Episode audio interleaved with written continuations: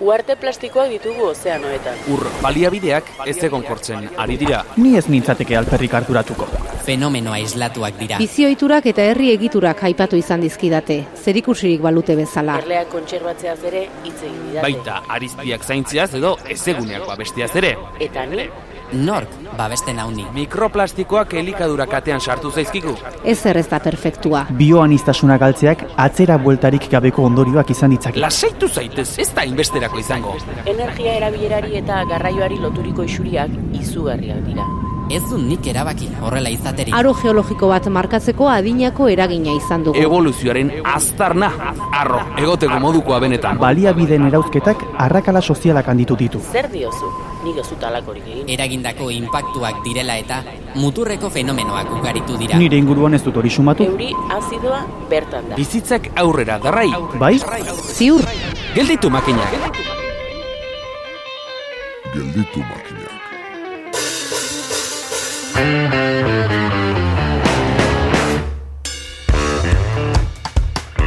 Pentsatu duzu inoiz eat denbora lineala den? Noiz binka badirudi dentsitate aldakorreko masa moduko bat dela. Batzuetan helioa bera baino arinagoa da eta besteetan beruna bezain astuna. Tarteka urrea balio du eta marteka zakurraren putza. Denboraren joan bizkorrean hemen eta orain behar omen da. Bere alakotasuna errotaraino sartuta dugu eta horrek eragina dauka analisian eta ausnarketa gaitasunean. Hala ote, Kristina Zuza astrofisikari eta irakaslearekin ikertuko dugu. Badirudi, beste zenbait gauza urteak igaro arren bere horretan kontserbatzen direnak. Iruditerian, basoak izan daitezke horren adibide, baina ez pentsa egonean daudenik. Alba Cabrera hiru iragileen gana gerturatu da. Errez kooperatiba, kuku baso elkartea eta baso biziak plataformaren gana.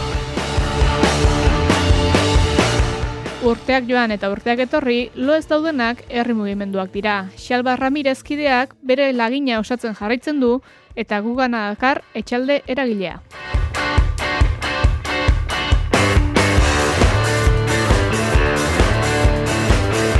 Une oro eraberritzen den fenomeno bat ere badugu gurean, hain zuzen, etxeun arregiren musika gomendioari azaleratxo bat egingo diogu. Berak ikusiko du zenbateko volumena eman. lineala izan edo ez, hausi da gelditu makinak saioaren aurtengo amaseigarren atala.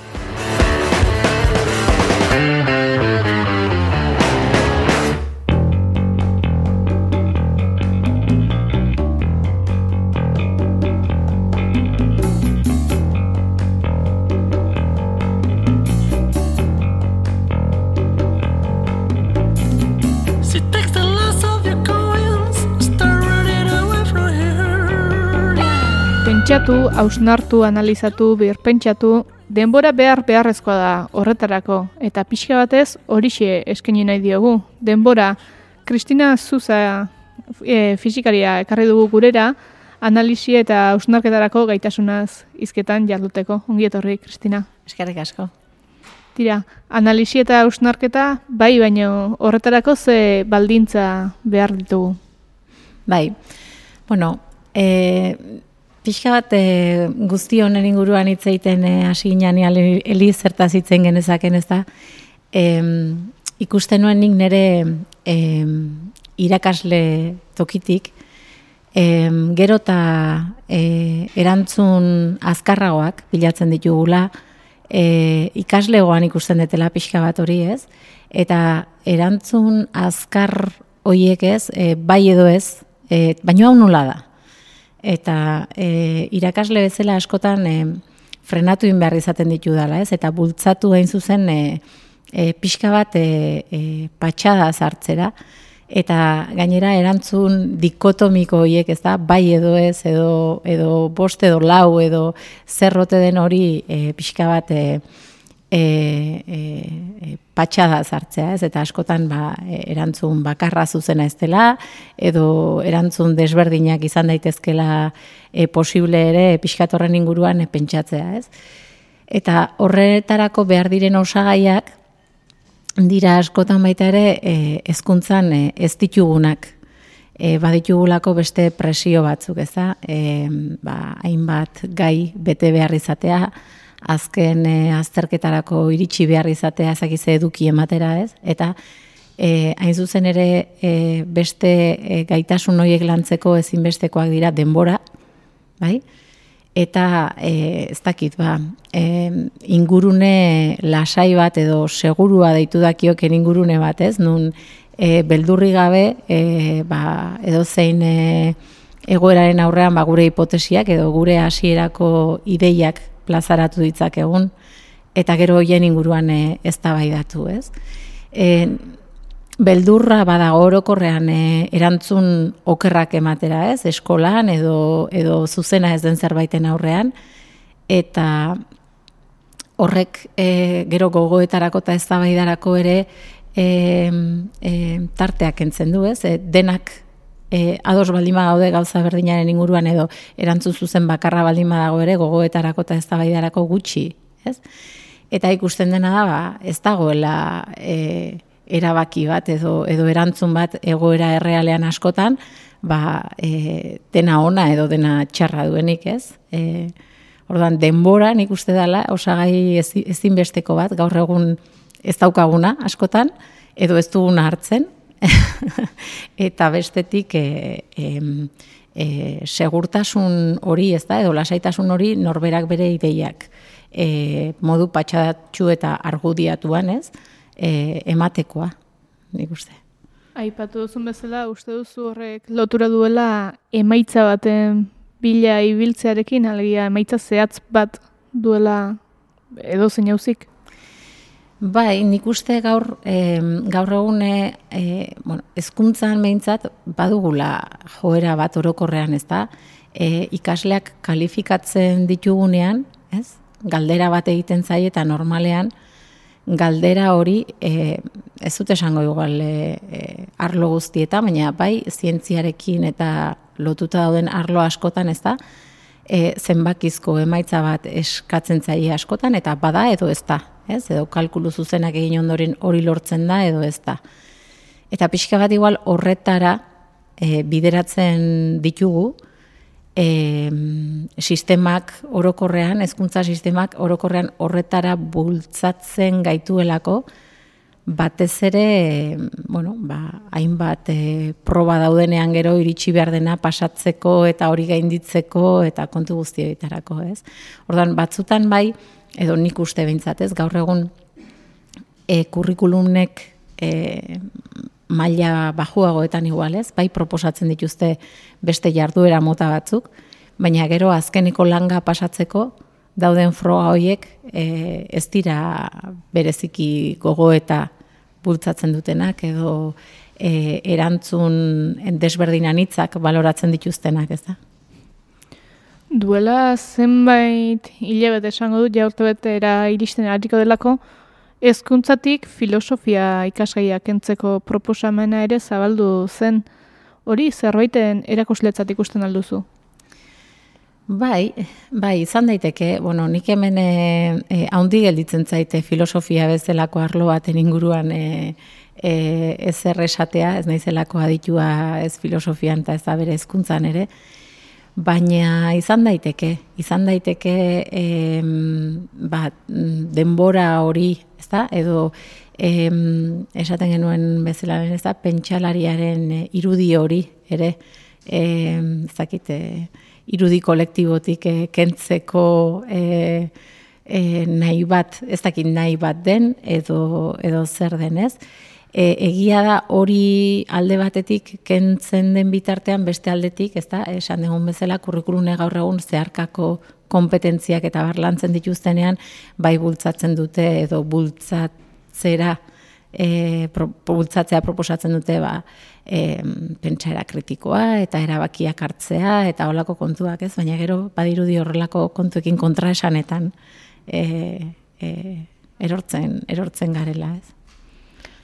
Zure arlora pixka bat horbiltzen saiatuko naiz eta Bai. aipatu dugun bezala unibertsitateko irakasle zara. Ikasketa metodotan ikusten duzu eraldaketarik, aldaketarik eman da, e, bueno, erori gabe lehenagoko, lehenagoko hobea zenik edo lehenago gehiago hausnartzen zen edo horretan erori gabe, metodologian sumatzen alduzu aldaketarik. Ez dakit, em, kasu hontan nik unibertsitateko irakasle bezala e, ikusten dudana da, em, bueno, ba nahiko em, aukerak badaudela e, gauza berriak egiteko, e, eskentzen zaizkigula formakuntza ikastaroak ere pixka bat horretan trebatzeko, eta aukerak e, egon egon daitezkeen arren modu desberdinean erantzuten diegula e, irakasle batzuk eta besteak, ez da? E, ez da erreixa izaten, em, nola baite taldeen tamaina dela eta, edo askotan lehen aipatu da bezala, ez ditugun e, e, exigentzia minimo batzuk direla eta, ez da? E, irakasteko moduak aldatzea eta denbora horiek eskaintzea, baina nik uste e, lan polita egiten ari dela arlo batzutan, bai? Eta berdin e, maila bajuagoetan, ez? E, ez dakit, e, askotan esaten da edukietan e, e, gutxiago dakitela gaur egungo gazteek, baina badira baita ere beste aspektu batzuk, nik esango nukena orokorrean, ba, duela e, pare bat generazio edo hiru generazio baina hobeto datoztenak, ez? Ez ere esanik ez teknologia berri deitzen diogun horietan beraientzako ez dira berriak, ez? Beraiekin jekin jaio dira eta eta mila buelta ematen dizkigute hizkuntzetan ere bai, askoz ere e, e, hobeto ezagutzen dituzte hizkuntzak eta esango nuke baita ere naiz da e, e, agian kaso guztietan ez den horrela ere nik esango nuke emozioen kudeaketan ere e, orokorrean gehiago lantzen direla gauza horiek e, maila bajuetan eta eta bueno, pues, ikusten ditut hor ere e, nere, nere garaiko, ez? E, nere garaian genituenak, baina beste gaitasun batzuekin horretan ere. Baina gero e, informazio gaindosi horren kudeaketan, ez da? Horretan ere pixka bat trebatzen diren arren, bere alakotasun horrek, ez? E, lehen ez da bai da sortzen zenean, aste bete pasatzen genuen horrekin bueltaka, jakin arte benetan zein zen, e, erdi brometan tartean apustuak, eta guan ja, ez da, ho? telefonoa sakeletik atera, eta zuzenean, ez da, zein da, tak, hauxe. Eta orduan horrek berak ere, ez da, e, bitarteko e, prozesu hori e, e, pixka bat e, e, azkartzen duen horretan, ez? Egia da baita ere, e, horrek bere alde ona duela. Hau da, garai batean informazioak berak eukizezaken balio erantzi hori galdu egiten du, ez? Orduan, nik uste horregatik dela garrantzitsua. Informazio hor, horren kudeaketan erabiltzea denbora, ez? Eta ez dakit hezkuntzak jakin ote duen horretara egokitzen edo oraindik jarraitzen ote dugun garrantzia ematen e, informazio gutxari, ez? E, gaur egun baliorik ez duena, ez balio erantzirik ez duena. Einpatzen dezun bezala, e, sakelakoan poltsikotik atera dezakegu erantzuna, ez lehenbangatik izaten zena, baina badu kontrajarriak aldira gaur egungo informazio gaindosia eta bere premia, alegia, hainbeste informazio aldi berean jasota kudeaketa hori zailtzen alda. Nik uste baietz, eta e, kudeak eta hori zailtzen dela argi dago, bai? E, edo zein e, bilatzaile batek ematen digun lehenengo estekan dagoen jotzeko joera daukagulako askotan ez da? E, iturria zein den e, ziurtatu gabe edo ikusi gabe e, nork e, zintzilikatu duen e, hori hor, ez da?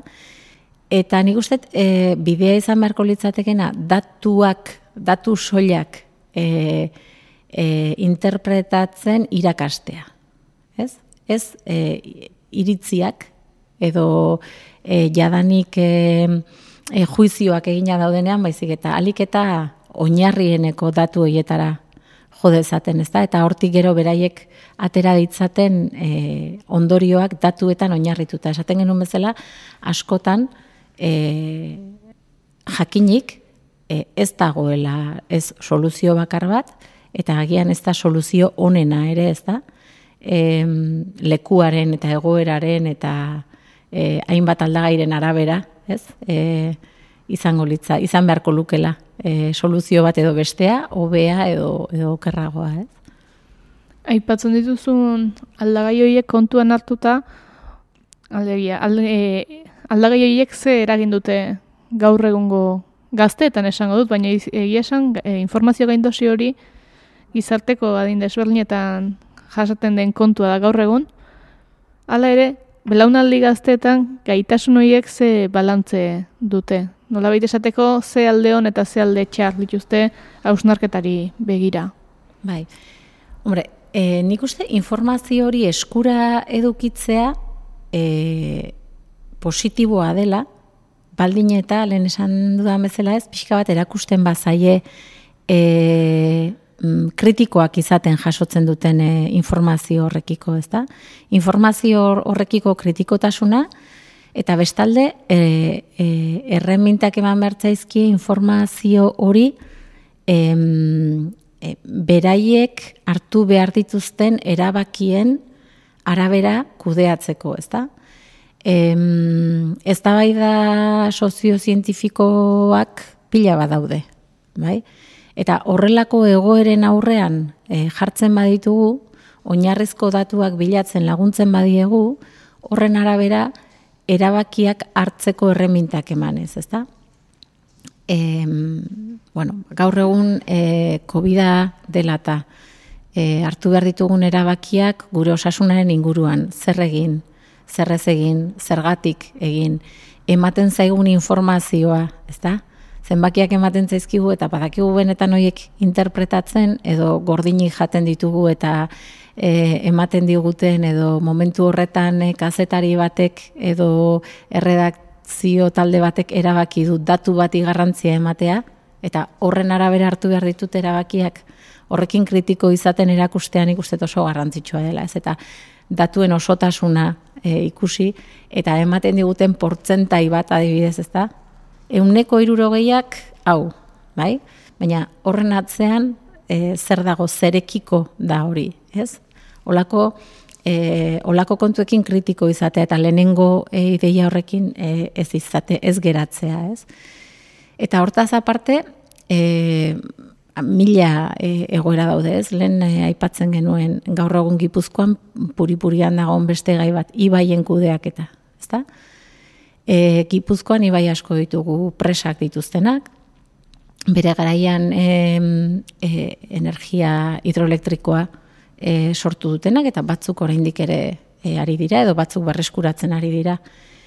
E, alde ona zein, zein den, ba izan daiteke ez, e, eginda dago enpresa bat e, ustiatu eta erabili e, e, energia berriztagarria lortzeko. Baina beste alde batetik begiratuzkero horrek errekan uran emarian gora berak ditu eta ondorioz be- bertako biodibertsitatean ere bai, ez? Eta hainbat espezietan kaltea ditu. Orduan, e, zer egin behar dugu? Presa horiek bota, bere hortan utzi, e, ustiatu, nola ustiatu, ez? Eta gainera, e, nik uste, e, e, kasu horietan ere oso, oso e, erakutsi behar zaiela, egoera, e, hau da, erreka batetarako hartzen diren erabakiak, agian bi bailara aratagoko errekarako ez direla baliogarriak, ze aldatu egin daitezke egoerak, ez? Eta gizartean eh, ez, e, parte aktibo izateko gauza guzti horiek eta e, gauza guzti horien inguruan gogoeta egiten erakus, erakutsi datuetan oinarrituta, ez da? Ez, mm, ez dakite, em, e, batek esan duena edo besteak esan duena ez zuk, zer horrek zurea eraikizazu, datuetan oinarrituz, ikasi hoiek analizatzen, hoiek interpretatzen, zure e, erabaki hartu eta gainera jakintzazu hartzen dezun edozein erabakik alde onak eta alde txarrak izango ditula, ez? Eta hartu dezun erabaki horrek berak em, e, bera ebaluatzea eta konstiente egitea zure erabakiaren ondorioz zertan eragingo dezun era positiboan edo negatiboan ere, nik uste e, guzti hori e, e, ezkuntzatik, ez, bueno, gizartetik orokorrean baino igual, ezkuntzatik bultzatu beharko litzateken zerbait dela, ez? e, lehen esaten genuena, e, errekatatik presa guztiak kendu behar dira? Bai edo ez? Ez da dikotomikoa, seguraski ez denak, seguraski ez erreka guztietan, eta beti ere aldagaien arabera, eta ze aldagairi emango diogu lentasuna, ez? Nola erabaki hori? Ba, hori oso, oso zaila da, ez? Baina, em, kritikatu gabe e, e, hartu den erabaki hori ona den edo txarra den, behintzat argudiatu ba, izan dadila, ez? Eta konstiente izanik, hau, era, hau erabakitzen badet, honetan izango du eragina, eta beste erabakitzen badet, honetan, ez? Eta, bueno, ba, ez dakit, inguru hortan. Ez dikotomiko inguru horretan eta e, lehen ere aipatu duzu erramintak eman beharko direla analisi gaitasunerako, baina nola lantzen da? Erraminta horiek nola fintzen dira, nola erakutsi dakioke pertsona bati, edo nola landu dezake bere kaxa balin bada ere, analizatzen eta gogoetatzen. Lehen esan bezala nik uste e, e, denbora behar dugula horretarako, ez? Eta askotan ez dugu hartzen, ez dugu hartzen. Ni nero ni konstiente naiz ez, e, ba, duela urte batzuk arte, seguraski e, lanerako joan etorriak autobusean, ba, emango nituen e, seguraski gogoetan, ba, ez dakit, e, momentuan neukan burua ustearen inguruan baliteke ez, eta orain ba, aprobetsatzen dut e, egunean zehar erantzun e, ezin ditudan WhatsAppak erantzuteko, e, sare sozialetan jarri duten ez dakizeri buruz aritzeko, eta eta konturatzen naiz askotan, e, ez detela denborarik hartzen pentsatzeko patxada zain bat gauza, ez? Eta harrapaladan e, bizigian horretan orduan denborarena, ez? Denbora eskaintzearena. Eta e, nik uste garrantzitsua dela hezkuntzatik horretarako denbora e, eskaintzea, ez? Eta gero nola, ba, badaude, niretzako oso garrantzitsua da baita ere, e, talde lanean e, pentsatzea, ez da ez? Eta horretarako teknikak ere badaude. E, e, askotan esaten denik e, hezkuntzan e, talde lana, dela gauza bat eta elkarren ondoan lan egitea dela beste gauza bat, ez?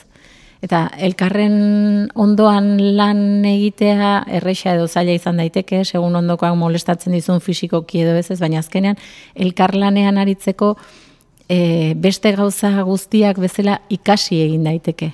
Eta horretarako teknikak daude, ez? Hasiera batean, ba, agian oso sinpleak direnak, ez? Baina gero, em, em, em, elkarren arteko menpekotasun bat sortu ez, eta era berean nolabait e, adiraziz lan bat beti izango dela aberatsagoa beste e, baten ekarpenarekin, eta hoien ekarpeni gabe lan hori etzela inoiz berdina izango, ez? Nolabait esateko.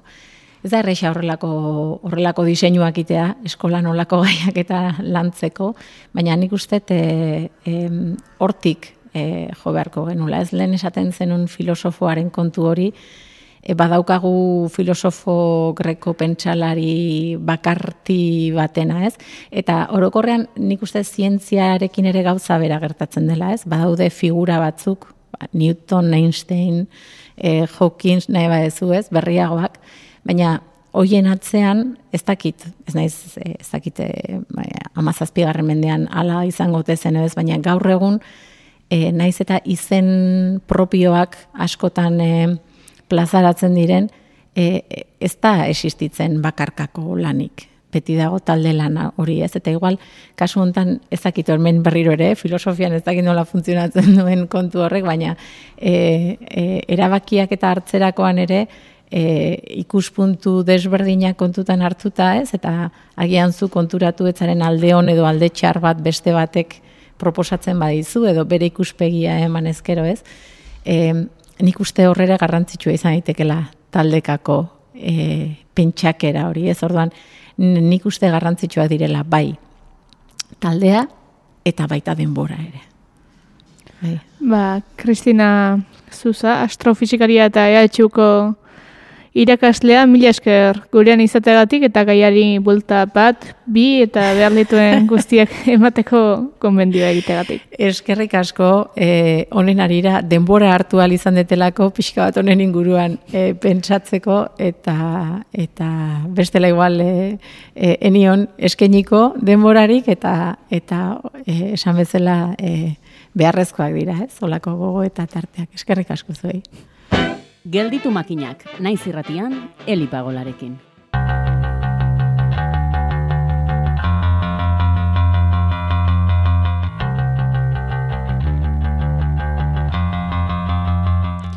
Alba Cabrera basoa lantzen duten hiru eragilekin izan da eta gurera dakar erreportai formatuan.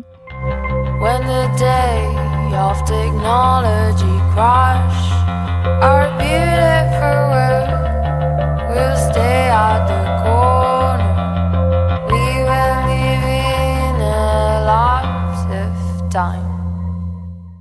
Egitura konplexua da baso ekosistema. Aldaketa txikienak ere aurre ikusi ezin diren ondorioak eragin ditzakeelako bertan. Konplexutasun horri erantzuteko, askotariko erronkekin egiten du topo basogintzak, eta gaurkoan osto galkorrak ezagutuko ditugu.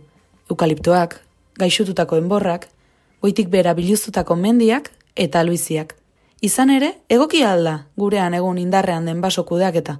Inguratzen gaituzten basoei erradiografia azkarra egin die errez kooperatibako Iñaki Etxebestekideak. Nor azkutatzen da zuaitzen atzean? Nor kudeatzen ditu?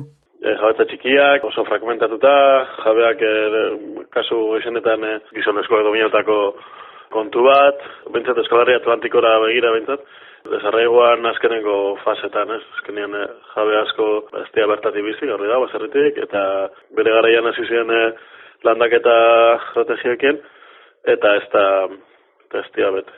Jabetza pribatuen nagusitasunaz gain, bi prozesurekin lotzen du kooperatibak egungo basogintzaren errentagarritasun eza. Globalizazioak, beraken ekarri ditu dinamika batzuk, e, sartzen, sartzen diaz askoz be gaitz eta izurrite gehiago, eksotikoak, normalean. Eta globalizazioakin batera gero bestia da merkatu dinamikak. Iaz gara jontan presioa, egurran presioa osaben beha jota. Eta gaur egun, bastatu batuek sustatutako importazio baten gatik, ba, gaur egun presioak erpente dara iazko euneko una igota. Ezin izan du aipatu gabe utzi jakina klima larrialdia. Berokuntzagatik eta humedadien e, ziklo aldaketatik eta eurien, eurien e, regimen aldaketa horregatik afekzio maila ezberdinak duk dabe. Eta segurazki banden kasuan klima izan da zelabaitze detonantia, zelako kaosa sortu izan da. Hori horrela, hitz laburrez azaldu du egungo baso kudeaketaren oinarria. Proiekatuan e, modeloa da, pixkat, lan, e, oso agronomikoa, ez, zer landatu, hasi eta moztu, zela izan da. Eta bien bitartean trabaiten dituzten prozesu guztixak, ba, moteldu, edo kendu, edo, edo eliminatu. Produkzioa da, lehen etxi behar dena, eta dakar e, berakin, pues, esku hartze oso handi bat, eta teknifikazio baten biharra, ba, kostiak murrizteko, ba, metodologia honi jarraituz, e, bukaeran dauen matarraza horreik, oso oso egoera eskasian izten daue zail horrik, ez? Babestu eta ekoiztu. Ekoiztu eta babestu.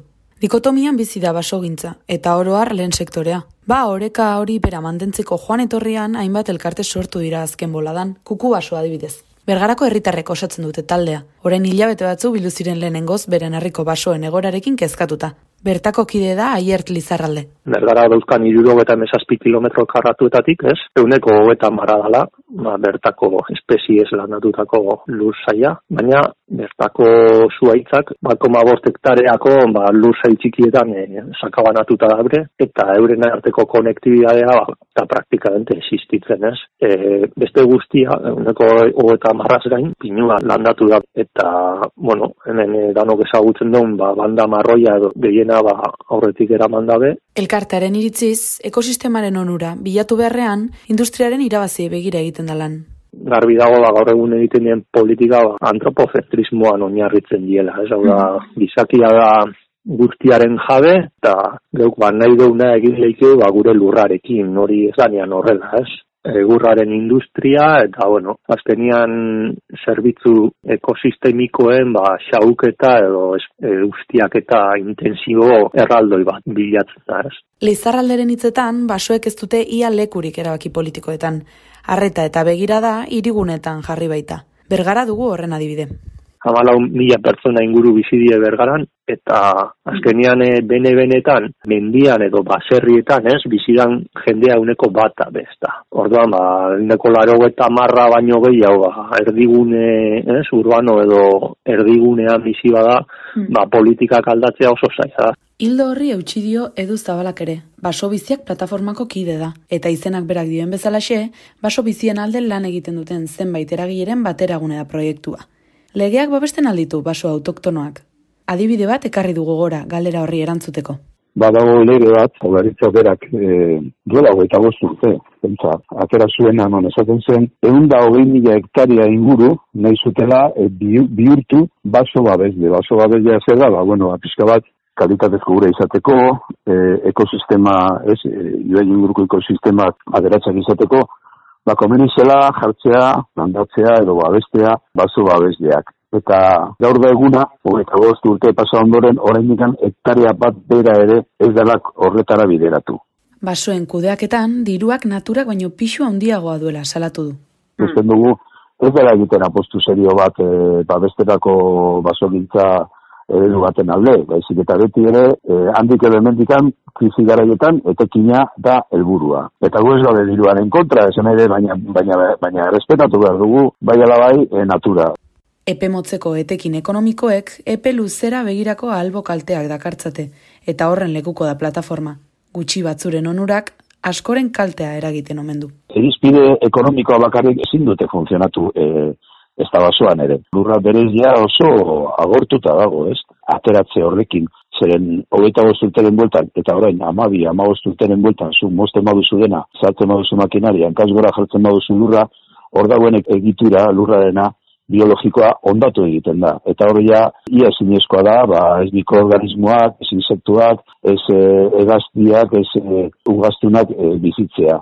Egungo bizi eredu azkarra gainera, talka egiten du parez pare naturaren erritmoarekin. Arraseko musketa lotuta dago erabat e, monolaborantzaren sistemarekin. Eta ez duela guzten e, berregituratzen, ez? Hemen, e, isurialde atlantikoan lurra behar du e, eun urte zentimetro bateko izteko. Eta egun bat, alako egoera batean, errekan bera joateko. Aski zigortutako basoekin egin zuten topo hiru talde eragileek, eta hori horrela, buru belarri dabiltza lanean egoerako bere egin dezan. Arazo globalari txikitik, tokitik erantzuten dio kuku baso elkarteak. Bertako basoa bultzatzeko ez, ba, bolondrezez osatutako talde bada, ez? Lurjabekin, ba, sentsibilizazioa sortzea da bere helburua. Hezkuntzaren bidez, ba, kontserbaziora begirako kontzientzia sortu, eta, ono, gaur egun, ba, hain gaizki e, guztiota dagon, ba, mendia, ba, beste norabide baten eramatea da. Konkretuki, ba, bertako basoa, bertako basoa sortzera, ez? Herritarrekin naiz ikastetxeekin sensibilizazio lana egiteaz gain, gaizi ustietutako mendia beste norabide batean kokatu nahi du kukubasok. Baina nola? Batetik da lur sarien erosketa, eta bestia da hogeta bost urterenako konzesio edo zaintza akordioa. Hau da, jabearekin hitz egin, eta adosten dugu, ba, bera daukan lur sail hori, hogeta bost urtean guri kudeatzen ustea. Kasu honetan, ba, agirre etxeberriko eh, zaintza akordioa lortu da, bikoma bat hektareako lurren zaintza akordioa da. Zaintza akordioaren helburua bertako basoaren paisaia balioak berreskuratzea da. Esku hartze horren barruan sartzen die pizkat, ba, maso misto atlantikoa lengoratzen laguntzea, lurrari funtzionaltasun ekologikoa hobetzea, landaketak egin, eta ba, bere sortzen dien zuaizkak be, ba, beste. Inguruko beste sail batzuekin, ba, konektibea ekologikoa be hobetzea, beti be, flora exotiko eta inbaditzailei desagertarazten laguntzea, konservaziora begira be, flora eta fauna espezie populazioen zaude, habitataren harrera betasunak hobetzea. Bost printzipio oinarri hartuta, kukubasoren orantzko berean egiten du arran errez kooperatibak. bertako espeziekin eh, jokatzea, horrek, eh, bueno, baitxurako abantail asko, bai ekonomikoak eta bai ekologikoak eta bai adaptatiboak, da. Beste oinarritako bat eh, da anistasuna bilatzia kala denetan, eta hori gure esan azkenean, azkenean biatu behar dara, ba, zuak ukitzea estratu desberdinak, adin desberdinak, eta aldanenean eskalarik txikinenean bilatzia eh, anistasuna. Beste oinarri bat izango litzake esku hartziak, zen behar diela aldik eta kalte gutxien sortuaz. Laugarren izango litzake bersortzia eh, sustatzia, bertako bertako espezien e, e, bersortze naturala. Eta azkenengo oinarrixe izango litzake e, bakantze bitartez ustiatzia baso, baso horreik. Bestelako basogintza eredu batean sinesten du kooperatibak. Eta horretarako, jabeekin elkarlanean aritu nahi dute beren proiektua den Tantai Jabe Baso Kooperatibaren bidez. Tantai proposatzen dugu, ba, bestelako basogintza horrela berez be, jartzen dugun baldintza bakarra, transformaziorako kompromiso bat. Horre baso jabe desberdinekin e, sartuta, ba izan alda udaletxe bat lur askokin, udaletxe bat lur gutxikin, e, jabe pribatu bat lur askokin lur gutxikin, eta ez horretzake ba horrek pixkate modu bateratu baten kudatzia. Gero legean oinarrituta e, kontratu hauek e, luzatu alko lirak esan urtetara arte, gure hasierako intentzioa urtetik urtera berriztea. Kuku baso, errez eta tankerako makina bat taldenen sorrerak agerian utzi du badela basoak beste modu batean zeintzerik. Hortaz, indarmetaketa hori saretzeko asmoz sortu zen baso biziak plataforma. Espezie inbaditzaiek lekurik ez duten baso autoktonoak erdigunean ipinita gure lanetariko nagusietariko batenera lan pedagogikoa edo informatiboa egitea, ez? Baina beti ere lotuta udaletxekin, herritarrekin eta beraie horren inguruan eskatzen duten, e, bueno, bide berri horiekin, ez? Oso importantea delako ezagutzea zer daukagu, zer inguratzen gaituen, eta ez badugu ezagutzen natura gure basoa ditugu respetatuko. Ez baditugu respetatzen, bos, berdin izango zaigu, zer egiten den, edo zer den egiten e, gure inguruko basoetan. Beren begira da, beren xedea, beren jarduna, etorkizun urrunean jarrita egiten duten lan hiru eragilek. Eta oztopo gisa ulertu baino, eraldaketarako aukera moduan ulertzen dituzte basogintzaren utxuneak. Lurrari presioa jarri beharrean, lurra balorean jarri da. De bai bai ikusten mozu euria itzina emakuitzea ma justiz marroia da, doia, ez. Mm. Osea, lurra hiltzen lagatzen ari ga, interes pribatuari ba, garrantzia emondaz. Dano no, onurarako ez, zaindu behar dugu. Eta bai, dano dugu eskubidea lurrari ez, etekin maketaratzeko, baina etekin jasangarri bat izan da. Europan daukogun e, basako sistemak oso oso oso oso oso, oso antropizauta da. Gizakien e, esku hartze barik, ufa, ez da geratuko, lekuren bat. Orduan, e, ba, ez dakit, bilatu beharko duna da, ba, ba horrekan bat, ez? Osea, ba, joan barneratzen sistema honek komplejua dienak, eta aldik eta azkarren, ze hor, bada urgentzia puntu bat, transformatzen joan. Azkartasun hori kontuan hartuta naturan ritmoak diezela. Gizarte honek, e, dara, darama, bueno, deno akibuna biadura, dana dijo azkar, dana dijo azaletik, aldendu ginen aspaldi naturatik. Badirudi daukagula leia bat naturarekin, non ez onartzen bere, bere zikloak. Gu saiatzen bagara ere menderatzen natura galako batean jarriko gaitu gure tokian. Naturak ez gaitu ber, gu behar dugu natura. Orduan ez babestu behar dugu amalur hori. Gelditu makinak, naiz irratian, Eli Pagolarekin.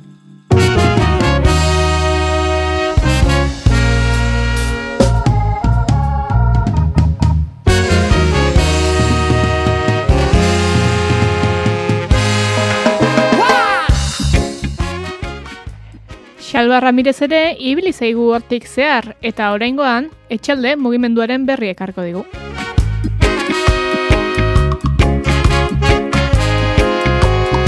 Elikadura burujabetza lantzeko nekazariak ezinbestekoak ditugu.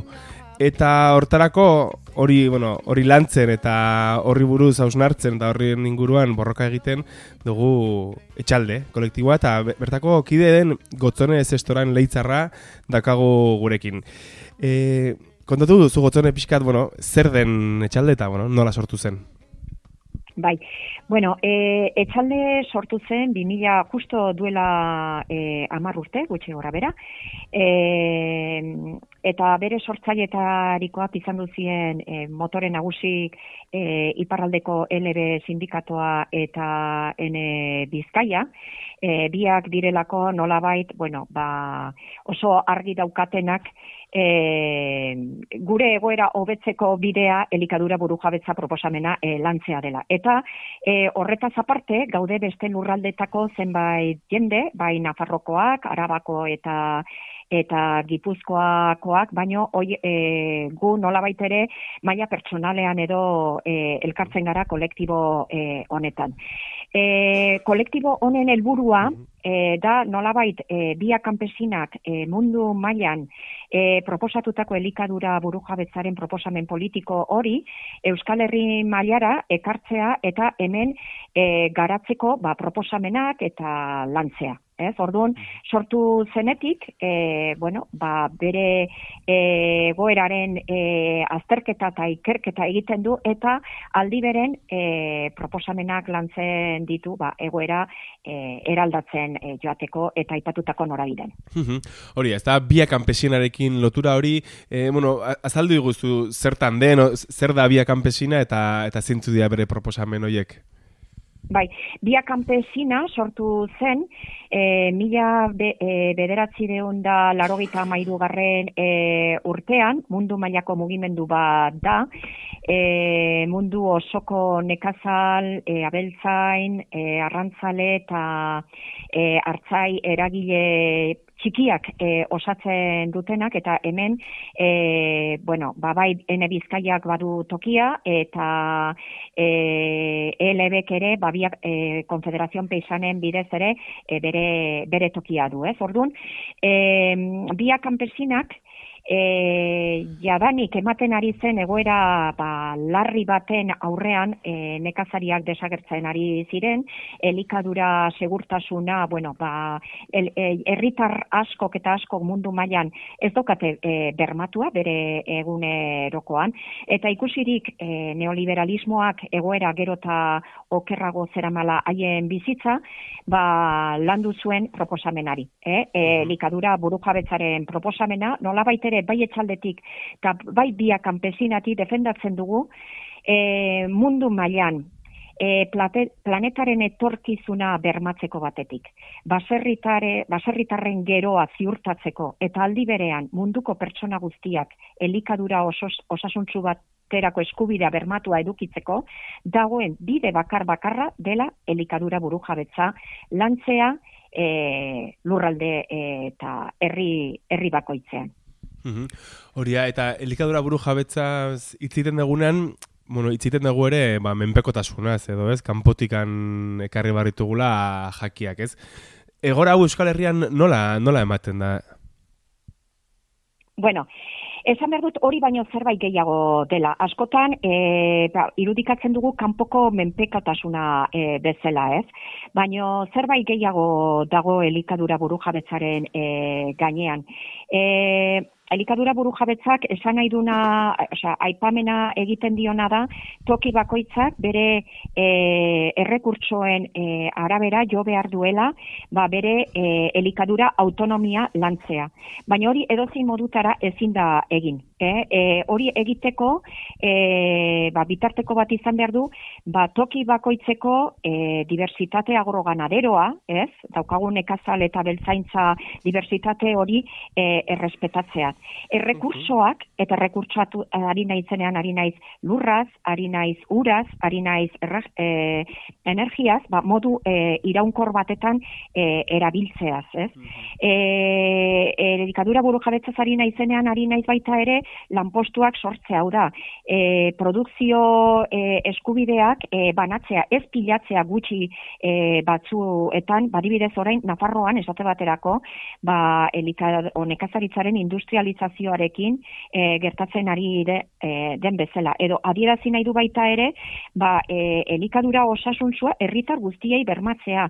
Ez e, bultzatzea bi norabidetako nekazaritza bat nun e, elite batek eukiko dituen elikadura e, osasuntzuak eta sanoak, ez? Eta gehiengo batek ba janari txatarra jango duen, ez? Guzti horreri, osea, ez da bakarrik kanpoko menpekotasun hori gutxitzea, baizik eta da ba beste guzti hau ere kontutan hartzea, ezta?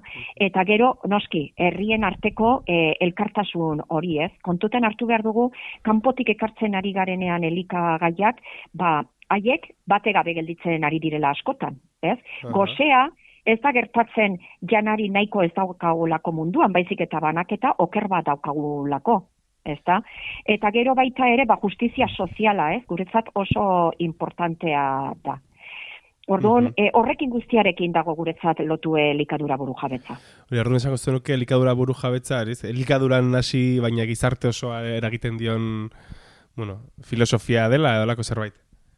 Bai, bai, zeren, e, osea, e, elikadurak eragin izugarria du e, arlo pila batetan, ez? Du eragina e, ingurumenean, du eragina tokiko e, zeatan, ekonomietan, e, du eragina e, paisaian, du eragina e, osasunan, ez? Ikusten ari gara ba pandemiaren historia guzti honekin eta, ez? Horrek ere e, eragiten duela, e, gure kultura gastronomikoan, e, bueno, arlo pila batetan, zer, e, arlo pila bat zeharkatzen dituen e, gai bat da, ez da? Orduan, e, horretaz elikadura buru jabetza zari garenean, ez gara ari nekazari hoi dagokigun zerbaitetaz, baizik eta gizarte osoari e, dagokion ba, eremu batetaz ari ga, ez? Denak lotzen gaituelako. Vale. Eta zen nundikan hasi bar da lana, bueno, gai hau lantzen Euskal Herrian, edo, bueno, zen horabidetan ari eh, lanean bertatik? Bueno, e, proposamenen artean aipatu behar dut, aurten argitaratu egin dugula dokumentu bat, e, dokumentu horren izena da elikadura sistema eta nekazaleko izpen iraunkor baterako bidea, eta dokumentu honetan bide horri bat markatzen dugu nolabait ere proposamen desberdinak lantzen dituenak, ba, hemen Euskal Herrian ba, nola joan gaitezken urratsak ematen e, norabide horretan. Badu, e, dokumentu horrek badu egiten du e, nazioarteko kontestuetaz, ba eskaintzen ditu, bueno, ba nazioarte mailan nola ematen ari denen hainbat adierazle, ba adierazten digutenak norabide aldatu egin behar dugula, orain arteko bide hori ez dela batere iraunkorra, inundik ere. Eta e, beste batetik baita ere e, Europa mailan emaiten ari diren hainbat eztabaidan eta hainbat reflexioren berri ere eskaintzen da eta hor e, aipatu nahi nuke E, norabide aldaketa horretan Europako Komisioak itun berdearen barrenean baserritik maira estrategia e, mai gainean jarri duela. Eta estrategia horrek helburu bezala ba, planteatzen du datozen hamar urtetan hemen e, Europa osoan e, ba, ekoizten den e, e, likaduraren euneko, bueno, e, ekoizpen, nekazal ekoizpenaren euneko geita bosta ekologikoan izan behar duela, ez? Eta horrekin batera planteatzen da, ba, bai plagizida eta antibiotikoen erabilera euneko berrogeita marrean gutxitu behar dela, edo e, fertilizanteen erabilera euneko hogeian. E, Orduan, horrelako e, aldaketa batzuk e, ikusi egiten dira. Orain kontua da, ja, gure lurraldetara etorrita, gure e, lurralde administratiboetan, ba, hori dena nola garatzen dugun. Eta hor dago kontua. Jarri behar direla mekanismoak, e, tresnak, ez, e, ba, bide horri hori e, aurrera e, eramateko. Eta e, hor zentzu horretan, eta ja gauza e, zehatzagoetara etorriz, aipatu behar du Nafarroan, E, bueno, ba, badago olako mugimendu etxo bat azken urte hauetan ba, indarra hartzen ari dena hainbat kolektibo ez osatuta. Ba, ari gara, e, datorren urtera begira, e, 2008 bira begira, urte astapenean, gutxi gora bera, aurkeztu nahi dugu dekalogo bat, bueno, e, e, bat, bueno dokumentu bat bi e, zati izango dituna, zati batetan analisi bat egiten dugu, ba, ze egoeratan gauden egun, bai ekoizpenaren arloan eta bai konsumo arloan e, likadura buru jabetzarekiko, ez? Eta gero, e, bigarren parte bat izango da ja neurri zehatzakin. Ze neurri zehatz landu beharko lirateke Nafarroan, ez? Arlo desberdinetan, ba, urratsak eh, emateko ba, lehen aipatu duten helburu horretan, ez? Eta hori tokatzen zaio lurralde administratibo bakoitzari. Zeren hemengo administrazioak asko egin dezakete, guk uste dugun baino gehiago, baino behar dena da borondate politikoa eta eta benetako ausardia, ez, ba, aurrera pausoak e, emateko. Eta esango zenuk ez duk ustezu Euskal Herrian badagola kontzientzia hau elikaduraren gainean edo elikadura burujabetzen gainean edo oraindikan lan asko dago egiteko. Haunditzen ari da, baina oraindik ere lan asko dago. E, Euskal Herria eremu bezala hartuta eta e, a- eta hor hartzen ditut e, hiru lurralde administratiboak, ez, azpi lurraldeak, nola baitere hartu ezkero, e, benetan e, egingo balitz planifikazio on bat, kontutan hartuta ze potentzial daukan, ez?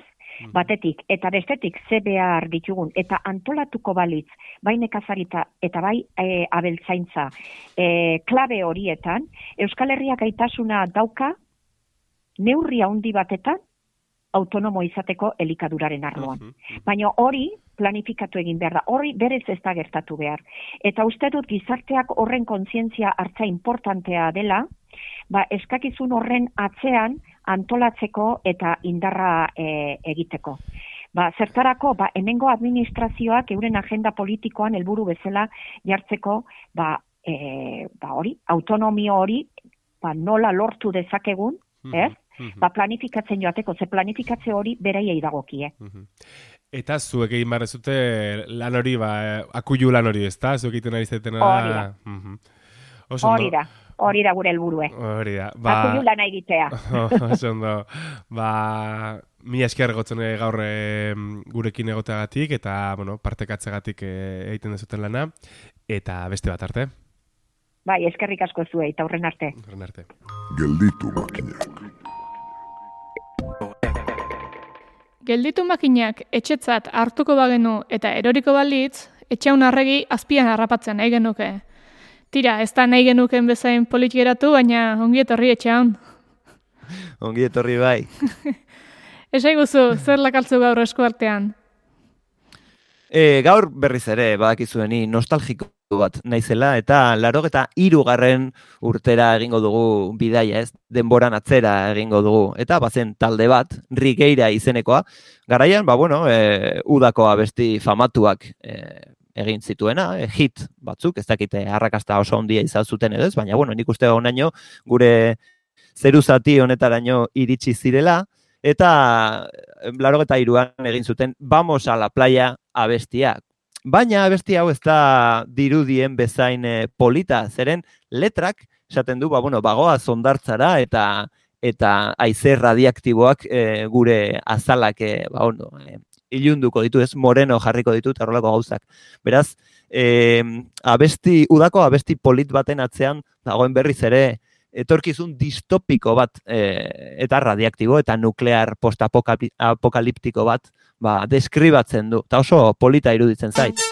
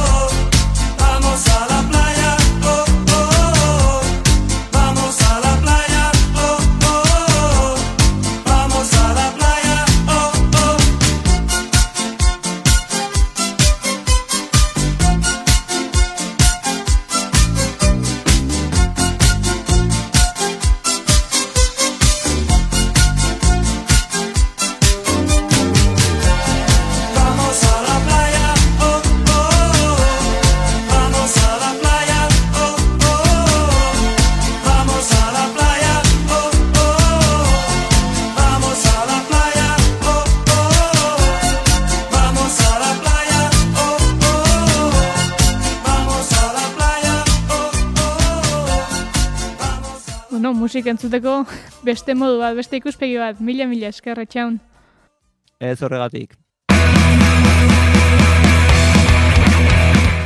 Ondartzara joan ala ez, ikusiko dugu. Nola nahi ere, datorrenerako gogo zagurtzen gara entzule. Jatorri bili. Grisez margotzen dituzte orduak Gelditu makinak.